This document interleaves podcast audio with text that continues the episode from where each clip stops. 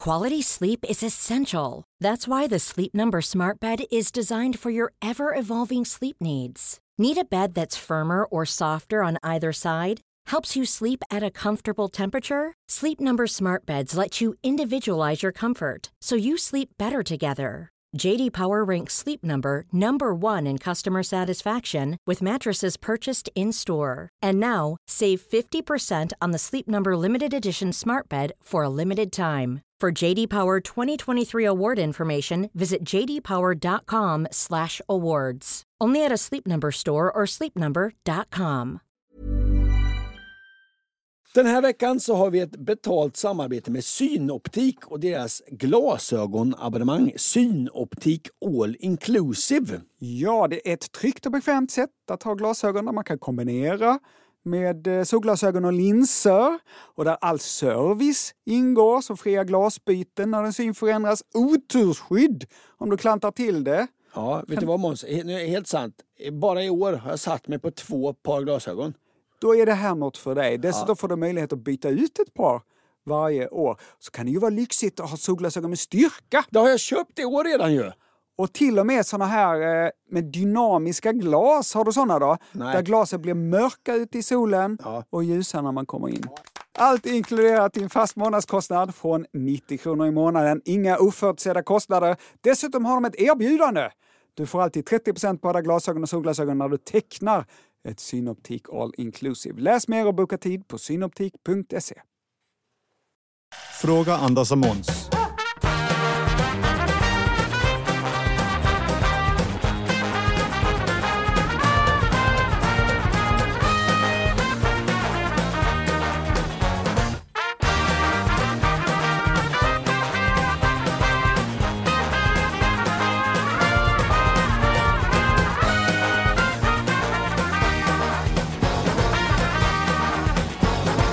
Varmt och hjärtinligt välkomna ska ni vara till Fråga Anders och Måns, podden som svarar på lyssnarfrågor.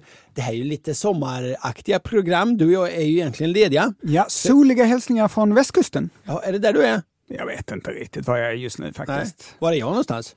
Vem vet? Jag är i Dalsland. Jaha.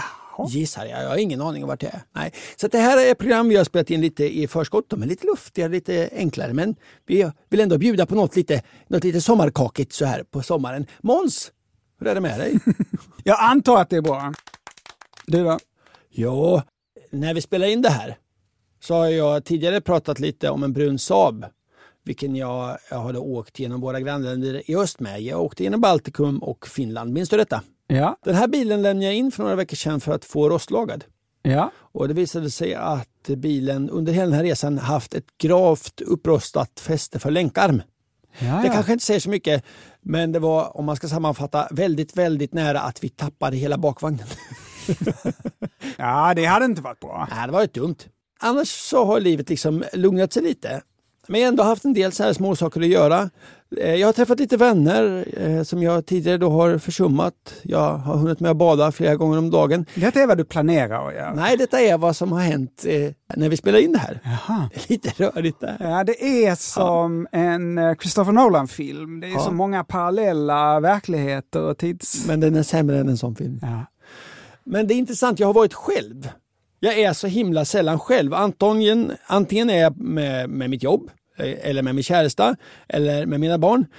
Något av det här ingår liksom alltid i mitt liv. Ja. Nu har jag för första gången på jättelänge varit mestadels själv. Det har liksom inte funnits någon väckarklocka, någon påminnelse, någon krok där jag kan hänga upp aktiviteten äta. Nu förstår jag inte riktigt. Jo. Du har haft hela dagar där du har varit själv. Ja, och i normalfallet så umgås jag med ja, någon på mitt jobb, med dig, med mina barn eller med min käresta. De här människorna ägnar sig åt aktiviteten äta. Okej, när Och du då- är på jobbet så säger någon “ska vi gå på lunch?” ungefär vid tolv. Ja, eller mina barn säger så här, pappa jag är hungrig. Eller min käresta kanske säger, ska vi äta någonting? Just det. Nu är jag själv. Kroken att hänga upp aktiviteten äta finns inte. I tisdags på kvällen, klockan var halv tio, jag var sur. Och jag insåg, jag har inte ätit någonting idag. Inte ens frukost. Ingenting. Nej. Och det intressanta med det här, när jag då väl åt, jag fick en dag till. Vad betyder- Jävlar vilken skillnad! Ja, du fick massa ny energi menar du? Så himla pigg! Det här kanske de flesta vet. Men jävlar vilken skillnad det gör med mat Du alltså! vill tipsa om föda? Mat! Lifehack alltså, det är bra grejer. Även vätska. Det är mitt lilla tips här i sommarvärmen. Vätska. Nu rullar vi igång den här inspelningen vi har gjort. Det kommer bli lite svar på lite blandade lyssnarfrågor. Så svara mig Jag väntar på ett ord från dig Förstår du ej Du måste ge mig svar Så svara mig Nu ska det handla om äckligheter. Hej Ankan och Monkan. Jag har under större delen av mitt liv varit riktigt nojig kring diverse parasiter och ohyror. Som kan tänkas få- följa med hem från smått sunkiga vandrarhem, Airbnbs som man av olika skäl har bott på under årens gång. Vägglöss är ett sådant exempel. Mm, du har ju haft det Ankan. Vägglöss. Hemska små varelser som Nej. existerar för att göra livet till en plåga för deras stackars offer. Men det slog mig, inte för så länge sedan, att vägglöss bor just inne hos människor. Men inomhus är ju ett relativt nytt koncept om vi tittar på livets historia som helhet. Vad gjorde vägglössen innan väggarna? låg de bara och väntade under en klar himmel på att en bostad skulle dyka upp. Tusen tack för eventuellt svar och för en fantastisk podd. Det här skriver Hannes. Ja, jag har ju berättat om det tidigare som du nämnde här Måns. Vägglöss, det är inte roliga djur. Nej. Bedbugs. Vi hyrde ett hus i Polen med oss hem. Kanske var det från färjan då ingen av de andra familjerna som vi delade hus med fick några löss. Men vi fick med oss hem vägglöss. Man fick blödande, kliande bäst över hela kroppen. Jag la alla våra saker som vi hade haft med oss i- och den fick ligga i en bastu i nio timmar. Vi fick ringa skadedjursutrotare. De kom och de sprutade ut någon form av kisel då, som lössen skulle gå på och få skärskador och sen dö. Ja, men det där är väldigt effektivt, det- det där kiselpulvret. Det Mm. också torkar ut alla djur som har skal. De torkar ut och dör. Det vidrigaste var då att man var tvungen att, att, att ligga kvar i sängen själv som ett lockbete. och om man inte själv låg och sov i sängen då skulle lössen inte känna doften av våra kroppar och komma, inte komma fram ur sina i- i- i- gömslen så att säga. Ja, just det. Det var liksom lite svårt att sova när man visste att man också var ett lockbete. Sen kom då den här skadedjursfirman och efter att ha sprutat ut det här medlet så sa de det här kommer förmodligen inte att fungera. Så vi behöver komma en gång till. Och då kommer det förmodligen inte heller att fungera sa de. Så antagligen behöver vi komma en tredje gång. Det måste vara lockbete väldigt länge sa de. Nu hade vi lite tur. Det funkade redan första gången. Hmm, det var kanske inte, det var kanske bara en vägglöss ni hade fått med. Skönt tillfälle att ha tur. Om man får välja mellan att vinna alltså en sån här sinnessjukt stor Toblerone, du vet. Ja, ja, ja, Ja. på tivoli. Eller vinna på vägglöslotteriet. Ja, ja. Där tar man ju vägglöslotteriet. Ja, om man inte är väldigt, väldigt godissugen. Om man har vägglöss. Ja, Annars så tar man ju Toblerone såklart, Ja. såklart. Det är en no-brainer. Nu var ju det här inte svaret på Hannes fråga. Det var mer en... en, en Det var inte så mycket om Toblerone i själva frågan. Nej, eller hur? det här, och innan var det mest en kort historia som vissa trogna lyssnare har hört förut. Ja. Det var ju inte vad Hannes bad om. Nej, han ville veta ungefär vad gjorde vägglöss innan det fanns hus, väggar och sängar? Vad tror du Måns? Ja, alltså små djur som lever på att suga blod. De låg väl i fågelbon. De låg eh, kanske i, i halm där får, bro- i fårs päls. eh, Lite som sådana här, vad heter det när man är ute och går i högt gräs som man kan få? Fästingar. Fästingar, jobbade lite som fästingar kanske på den tiden. Jag har ingen aning. Nej. Det, här, det är inte så lurigt det här. En tom vägglus, den är genomskinlig. Sen blir den då så här rödbrun och svinäcklig när den har sugit blod. Ja, Man kan alltså se på den om- om den har ätit. ja. Det kunde ju vara något tycker jag. Att de blev röda när vi hade ätit. Lättare då när man frågar sin dotter så. Du, är det säkert att du har käkat nu då så att du orkar? Ja. Fast jag ser ju din fläta rakt genom ansiktet. Du är genomskinlig. Kan man kunnat avslöja dem lättare. Ah, ja. När vägglusen inte ätit, då är den inte tjockare än ett kreditkort och mycket, mycket svår att upptäcka. Det här skriver Anticimex. Mm. Den gömmer sig i håll i hatten, sängar, soffor, tavelramar, gardiner, rullstolar, radioapparater och brandvarnare. Brandvarnare? Det är en fiffig insekt alltså. Om den har fattat att man kan gömma sig i rullstolar och brandvarnare. Andra ställen den gömmer sig hemma hos där kommer du gilla. Lösa tapeter, förvaringsaskar och böcker. Jag gillar inte det alls. Det här är ju grejer som är svåra att så att säga undvika att ha hemma. Askar, brandvarnare, sängar och böcker. Det är bara safe från vägglöss om man bor i Tupperware. Förlåt, vadå? Om man bor i Tupperware, Om man bor i en sån plastlåda, ja, då är man safe. det är inte realistiskt. Nej. Det här är tuxtolleri du håller på med, Anders. Nej.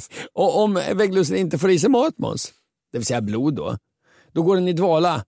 Och det kan då ligga i dvala i upp till ett år utan att äta mat. Mm. Kan det vara så då att vägglösen uppstod innan husen, innan sängar, fast bara ett år innan? Så att den kunde hålla ut tills människan uppfann väggar och sådana grejer. Mhm. Tror du det Måns? Nej, jag tror den fanns innan. Man tror att vägglössen från början kom från Mellanöstern. Jaha, Det här är väldigt, väldigt gamla insekter. jaha. Tänk Jan Malmsjö och så lägg till tid. Uff, Det är svårt, men så gamla är de alltså. Kalle då. Och de har parasiterat, som det står i en artikel jag hittar, since time began. Ja, sen Big Bang. Sen tiden började. Att de fanns i grottor som beboddes av fladdermöss. Mhm.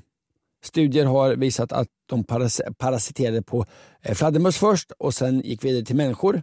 De fanns alltså på plats när vi människor flyttade in i grottor där civilisationen började. De, eh, de var redan där då. Mm, I grottor. Jaha. Jag har ätit fladdermöss innan. Ja, ja, men då är det egentligen vi som har inkräktat på deras livsmiljö snarare än Så tvärtom. vi kanske inte ska gnälla sådant. Nej. Nej.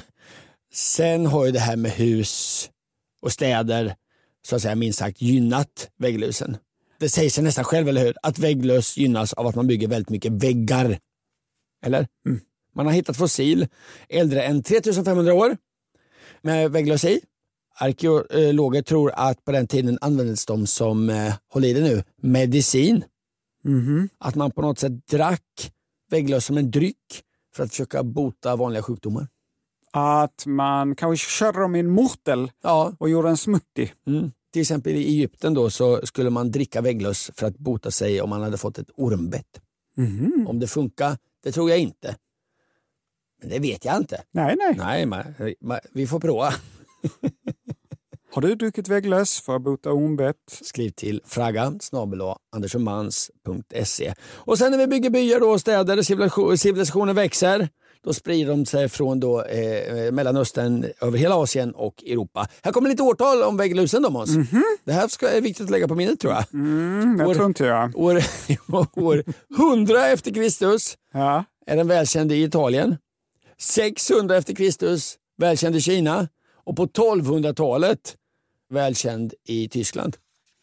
Vad tog det? 600 år från att det var kändis i Italien till att de blev kändis i Tyskland? 500 år. 500 år? Och de här årtalen vill du såklart komma ihåg, därför har jag gjort lite minnesregler till dig. Ja, Vägglusen kom till Italien ungefär samtidigt som Colosseum byggs.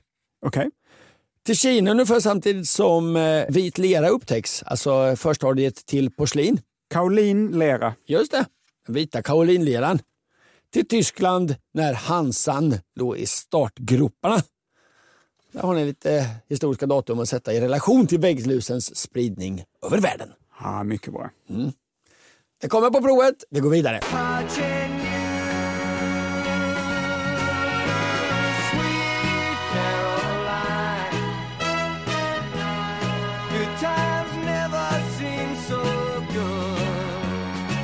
Sen har vi fått en fråga från Matilda. Hej Anders och Måns. För ett tag sedan bläddrade jag i en gammal Bamse-tidning.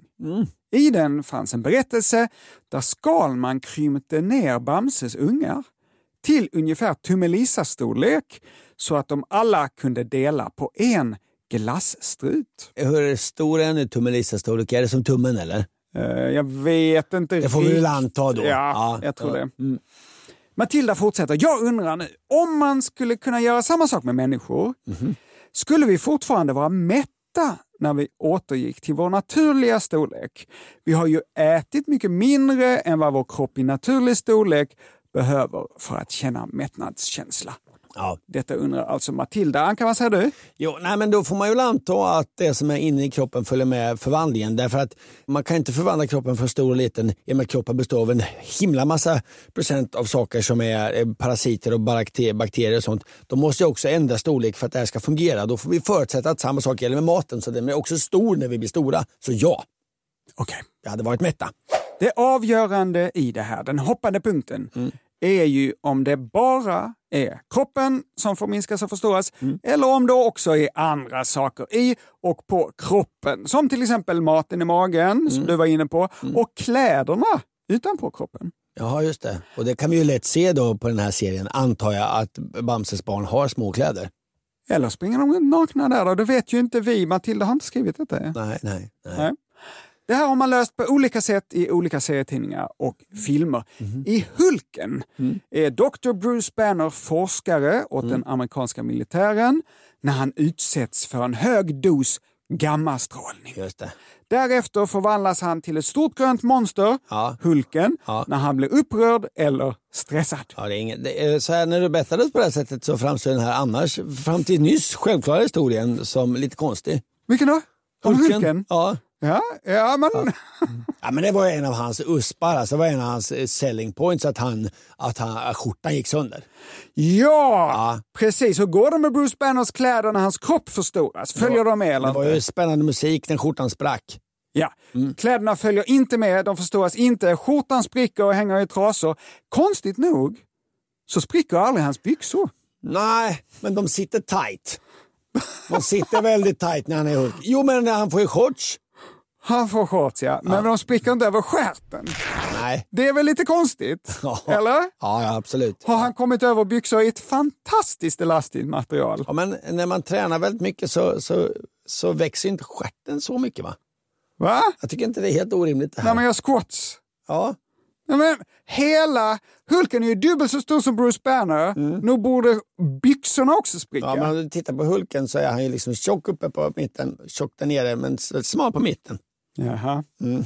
Jag kommer ihåg att jag tänkte på detta redan som barn och retade mig på att det inte var logiskt. Mm. Ja, ja. Och så kom jag på den här galna konspirationsteorin. Jaha. Att skaparna av Hulken har tuggat i sig det här ologiska bara för att Hulken inte skulle springa omkring naken Mm. och lyfta lastbilar med stjärten bar och snoppen dinglandes. Ja. Ja, Nej, men eh, pungen är ju generellt, eh, eh, värre för mig än för andra, men generellt är ju pungen liksom ett statusfall bara den visar sig. Ja, tänk då om den är grön. Ja, Des- och så liten i förhållande till kroppen i övrigt. Och så. Nej, det brukar- hade inte blivit bra. Nej. Fler exempel på när kläderna inte hänger med när personen förminskas eller förstoras. Nils Karlsson Pyssling, Där hänger kläderna inte med eller? jag hänger med. Ja, ja men då, hänger, då är det ju ett exempel på motsatsen. Men här är fler exempel när kläderna inte hänger med.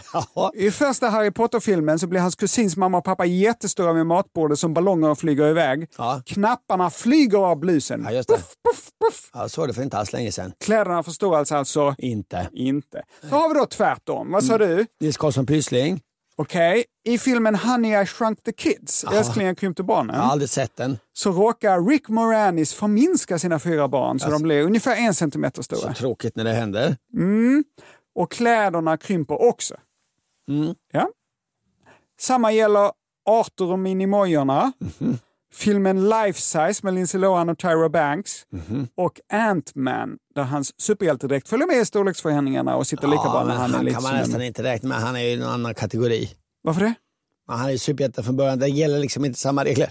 Men Bamses barn, är de inte superhjältar? Men... Nej, de är mer Bamses barn. Okej. Då har vi pratat om kläderna, men det som finns inne i kroppen då, men som inte är en del av kroppen. Bakterier och mat med mera, det var ju det som Matildas fråga handlade om. Och det här blir kanske lite tramsigt. Nej, det kan jag inte tänka mig. Men hur går det med avföringen? Krymper den eller inte?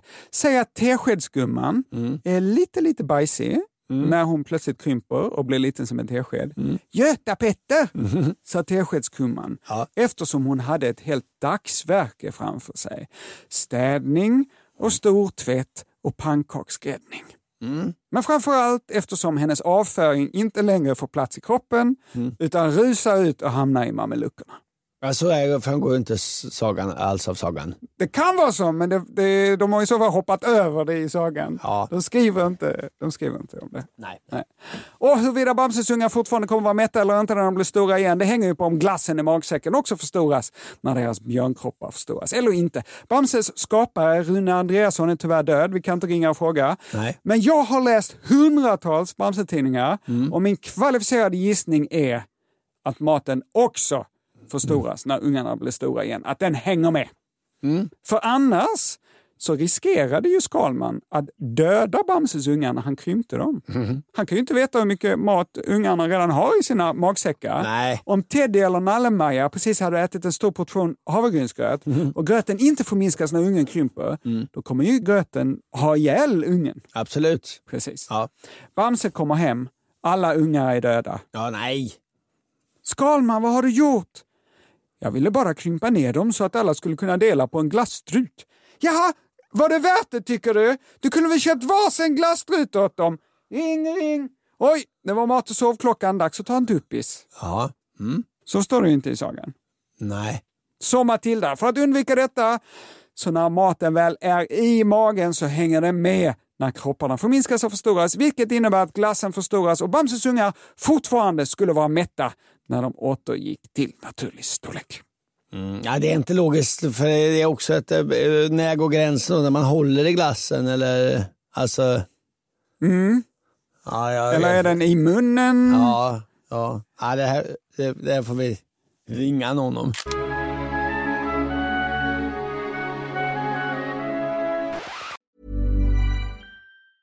Many of us have those stubborn pounds that seem impossible to lose, no matter how good we eat or how hard we work out. My solution is PlushCare. PlushCare is a leading telehealth provider with doctors who are there for you day and night to partner with you in your weight loss journey. They can prescribe FDA-approved weight loss medications like Wagovi and Zepbound for those who qualify. Plus, they accept most insurance plans. To get started, visit plushcare.com slash weight loss. That's plushcare.com slash weight loss. Everyone knows therapy is great for solving problems, but getting therapy has its own problems too, like finding the right therapist, fitting into their schedule, and of course, the cost. Well, BetterHelp can solve those problems. It's totally online and built around your schedule. It's surprisingly affordable too. Connect with a credentialed therapist by phone, video, or online chat, all from the comfort of your home. Visit betterhelp.com to learn more and save 10% on your first month. That's BetterHelp H E L P. Quality sleep is essential. That's why the Sleep Number Smart Bed is designed for your ever evolving sleep needs. Need a bed that's firmer or softer on either side? Helps you sleep at a comfortable temperature? Sleep Number Smart Beds let you individualize your comfort so you sleep better together. JD Power ranks Sleep Number number 1 in customer satisfaction with mattresses purchased in-store. And now, save 50% on the Sleep Number limited edition Smart Bed for a limited time. For JD Power 2023 award information, visit jdpower.com/awards. Only at a Sleep Number store or sleepnumber.com. Nu blir det spännande. Om man med spännande menar att det här ämnet... Ja, vi bara kör. Hej underbara ni. Igår åkte jag tunnelbana med min son som är sju och ett halvt år. Vetgirig som han är fick jag frågor om nästan allt som går att fråga om. Jag betraktar mig själv som ganska bildad och tyckte att jag kunde leverera trovärdiga svar på det mesta. Men på frågorna varför gnisslar det i tunnelbanan? Blir det mer gnissel i svängarna? Hur bildas det ljud av metall? Blev det uppenbart för mig taffligt eftersom han sa vi kanske får fråga Anders och Måns istället. Så nu gör jag det. Snälla hjälp mig för att förklara detta ljudfenomen för ett skolbarn och hans mamma. Tack för en fin podd, Samuel och Linda. Nej, men att det skramlar om metall mot metall, eh, det är inte konstigt. Men just gnisslet, hur uppstår gnisslet? Ja, det är ju friktionen där ju, men... Håll i det, Ja. nu åker vi. Varför gnisslar tåg? Sidan Fråga tågexperterna svarar inte angående eh, spårvagnar och tunnelbanor utan angående mer sådana långtgående eh, tåg, alltså stambanan-tåg. Eh, tåg. Precis. Och då är det så här, att de tåg som låter mest gnissel, Det är såna lite äldre eh, tåg alltså, som har ett lok och så drar vagnar efter sig. Mer moderna tåg, Ja. har de inte ett lok som drar vagnar efter Nej, de är sig? lite mer, jag tror de är, varje vagn är i sig lite självgående. Varje vagn har en motor. Och eh, på de här eh, gamla tågen då, alltså typ snälltågen, då är det bromsarna som gnisslar. Ja. De har två typer av bromsar. Skivbroms Som på bilar. ja, och blockbroms. Blockbroms, vad är det? Jag vet- Skivbroms är väl som på bilar? Va? Ja, det, det, det är sådana med en, en bromsbelägg som trycker mot bromsskivor. Just det. Det låter inte så mycket. Det är som en gammal bil. De låter mest om de är väldigt slitna och behöver bytas. Just det. Men så har vi de här blockbromsarna då. De funkar så att det är ett gjutjärnsblock som trycker direkt mot hjulet. Alltså ett snurrande metallhjul och så trycker man ett gjutjärnsblock mot det.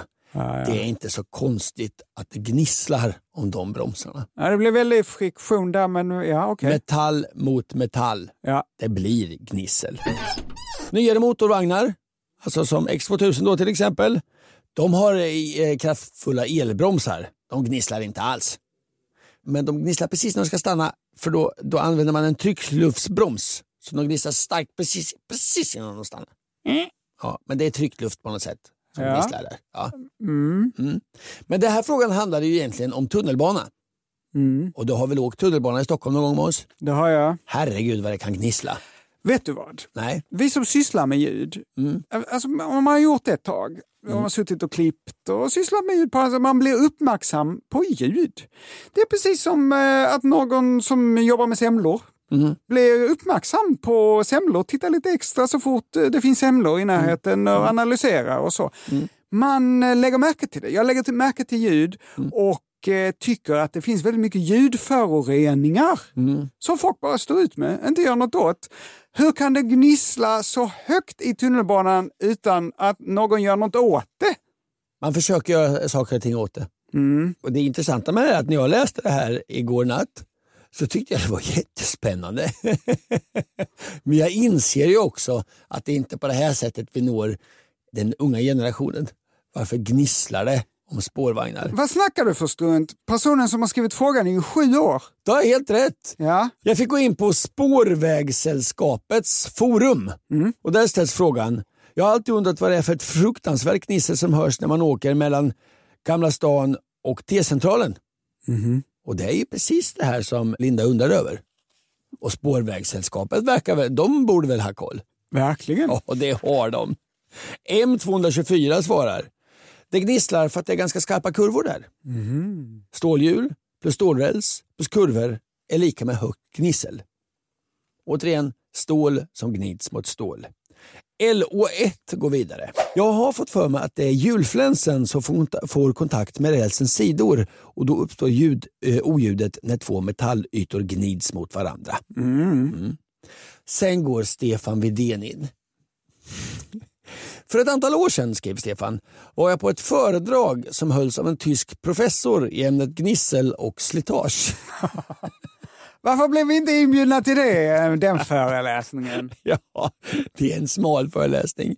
Tysk föreläsning i ämnet gnissel och slitage på spårvagnar och tunnelbanor. De två rälerna, Reläerna? rälerna, Vad är rälar ens? ja, fick jag googla också. Det är Ja. alltså de enskilda rälsdelarna Okej. Mm. i en kurva. De är ju olika långa, eller hur? Ja, ytterspåret är lite längre än innerspåret i en kurva. Har man då en vagn med en stel hjulaxel så kommer innerhjulet, alltså när man svänger i svängen, Ja, ja. få en kortare väg Absolut. och då frirulla. Och det är det, i det mot- momentet som gnisslet uppkommer. Den, har korta, den ska förflytta sig en kortare sträcka än den andra på samma tid. Och det snurrar lika Och fort. snurrar lika fort Och båda. då, när det svänger då så gnids det hjulet extra mot rälsen. Okej, okej. Jag förstår. Och det är då gnisslet i svängarna uppstår. Wow! Vi ska sammanfatta. Den som gnisslar det är alltså stål som gnids mot stål. På stora lok med vagnar är det bromsarna som gnisslar. På tunnelbanan är det innerhjulet som i en kurva har kortare väg och då snurrar det fortare mot rälen och gnids stål mot stål då igen. Jag tror inte det snurrar fortare. Det är väl bara att det snurrar och sen så, sam, så, så dras det samtidigt. Liksom. Nej, alltså de snurrar lika fort Ja. och den där har kortare väg där. Så ja, den ska åka lika långt som den och så så kortare... ja, men då måste ju innerhjulet snurra långsammare. Nej. Jag tror att de snurrar med bestämd hastighet, Ja. men när den liksom, Det här- att den drar det- fram, Ja. den drar fram det hjulet som då dras samtidigt. Som glider på, det, på den eh, rälen, den Nej, rälsbiten inte enligt den tyska föreläsningen. Sen antar jag att det är mycket stål och hjul och annat av stål som åker fort och det är lätt att det bara gnisslar.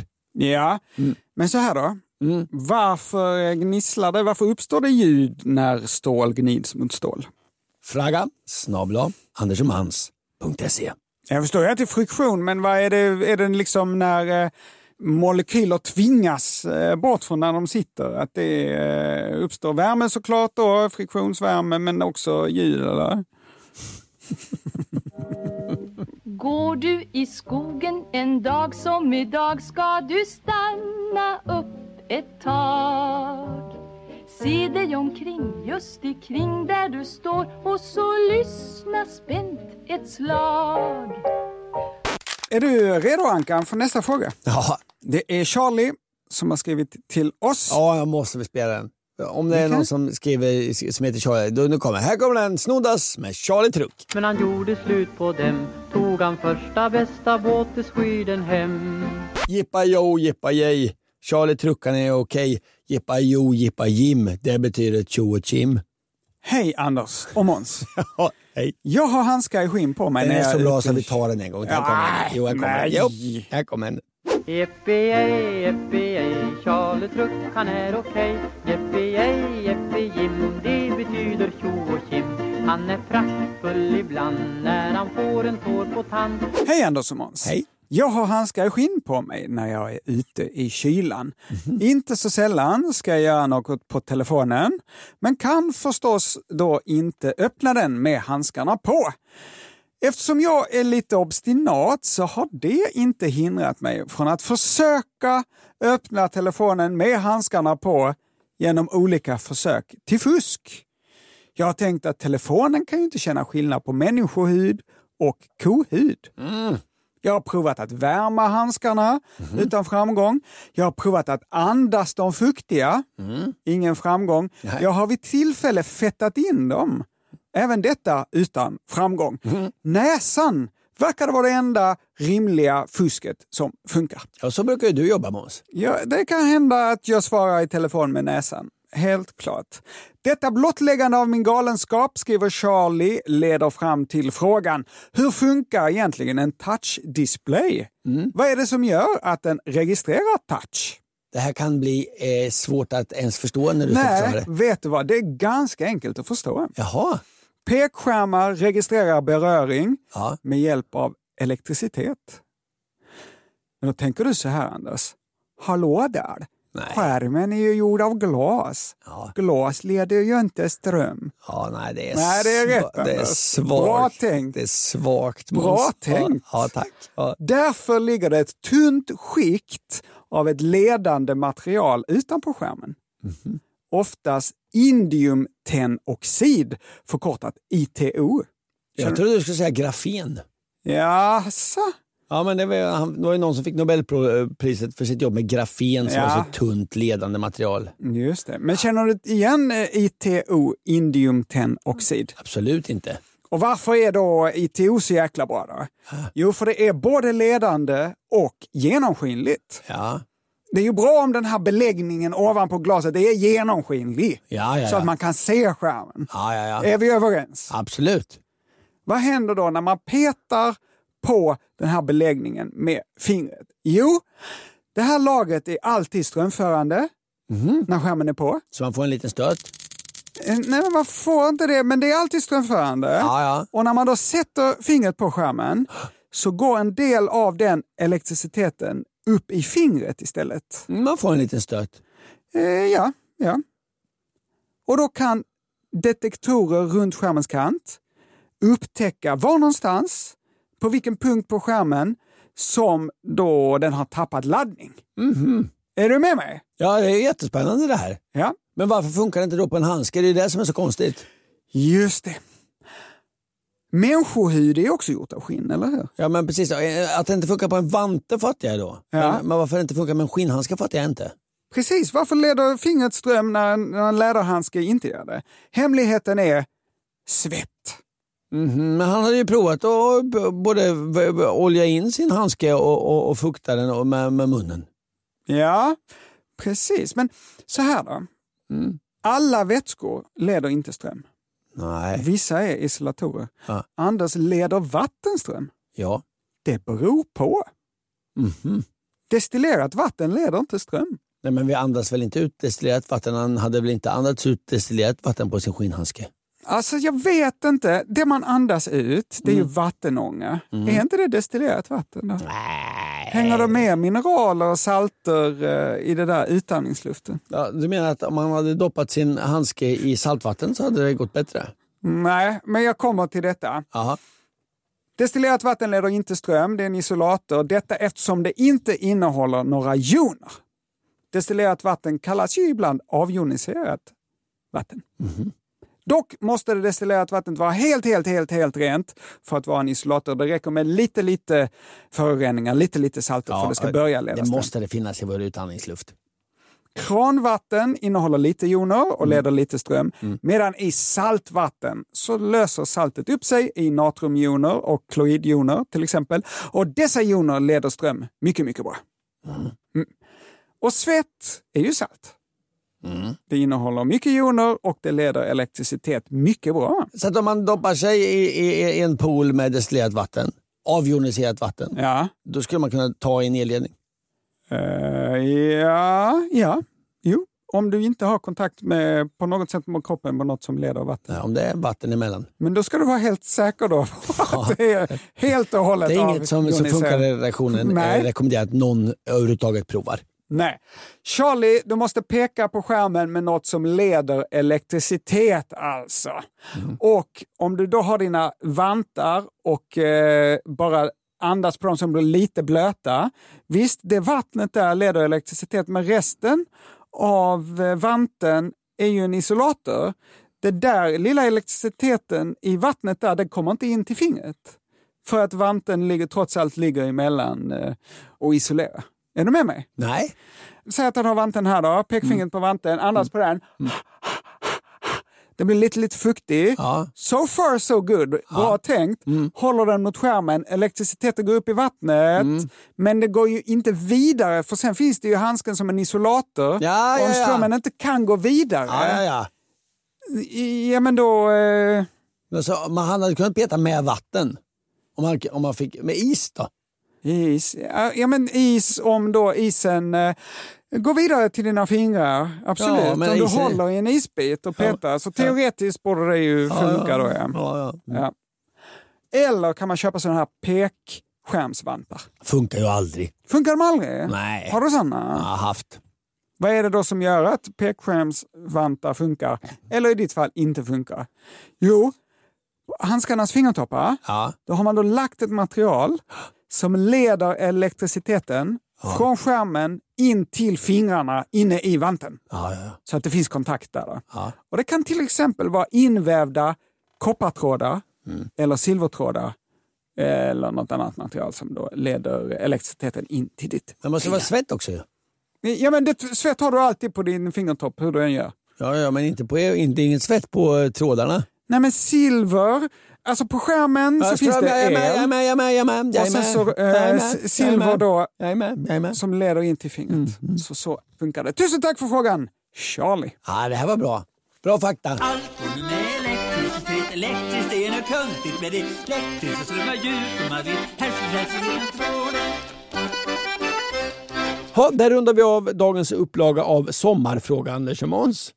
Sommarpausdags borde vi döpt det till. Ja, det heter det nu. Sommarpausdags. Med Anders och Måns som svarar på frågor är slut för den här gången. Hör oss igen nästa vecka För då kommer ett nytt avsnitt av Sommarpausdags. med Anders och Måns som svarar på lyssnarfrågor.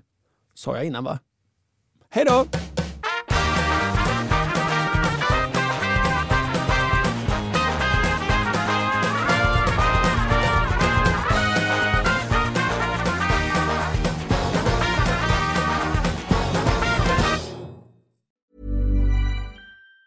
Mom deserves the best, and there's no better place to shop for Mother's Day than Whole Foods Market. They're your destination for unbeatable savings, from premium gifts to show-stopping flowers and irresistible desserts. Start by saving 33% with Prime on all body care and candles. Then get a 15-stem bunch of tulips for just $9.99 each with Prime. Round out Mom's menu with festive rosé, irresistible berry chantilly cake, and more special treats. Come celebrate Mother's Day at Whole Foods Market. Mom deserves the best, and there's no better place to shop for Mother's Day than Whole Foods Market. They're your destination for unbeatable savings, from premium gifts to show-stopping flowers and irresistible desserts. Start by saving 33% with Prime on all body care and candles. Then get a 15-stem bunch of tulips for just $9.99 each with Prime. Round out Mom's menu with festive rosé, irresistible berry chantilly cake, and more special treats. Come celebrate Mother's Day at Whole Foods Market. Planning for your next trip? Elevate your travel style with Quince. Quince has all the jet setting essentials you'll want for your next getaway, like European linen, premium luggage options, buttery soft Italian leather bags, and so much more. And is all priced at 50 to 80% less than similar brands. Plus, Quince only works with factories that use safe and ethical manufacturing practices. Pack your bags with high-quality essentials you'll be wearing for vacations to come with Quince. Go to quince.com/pack for free shipping and 365-day returns.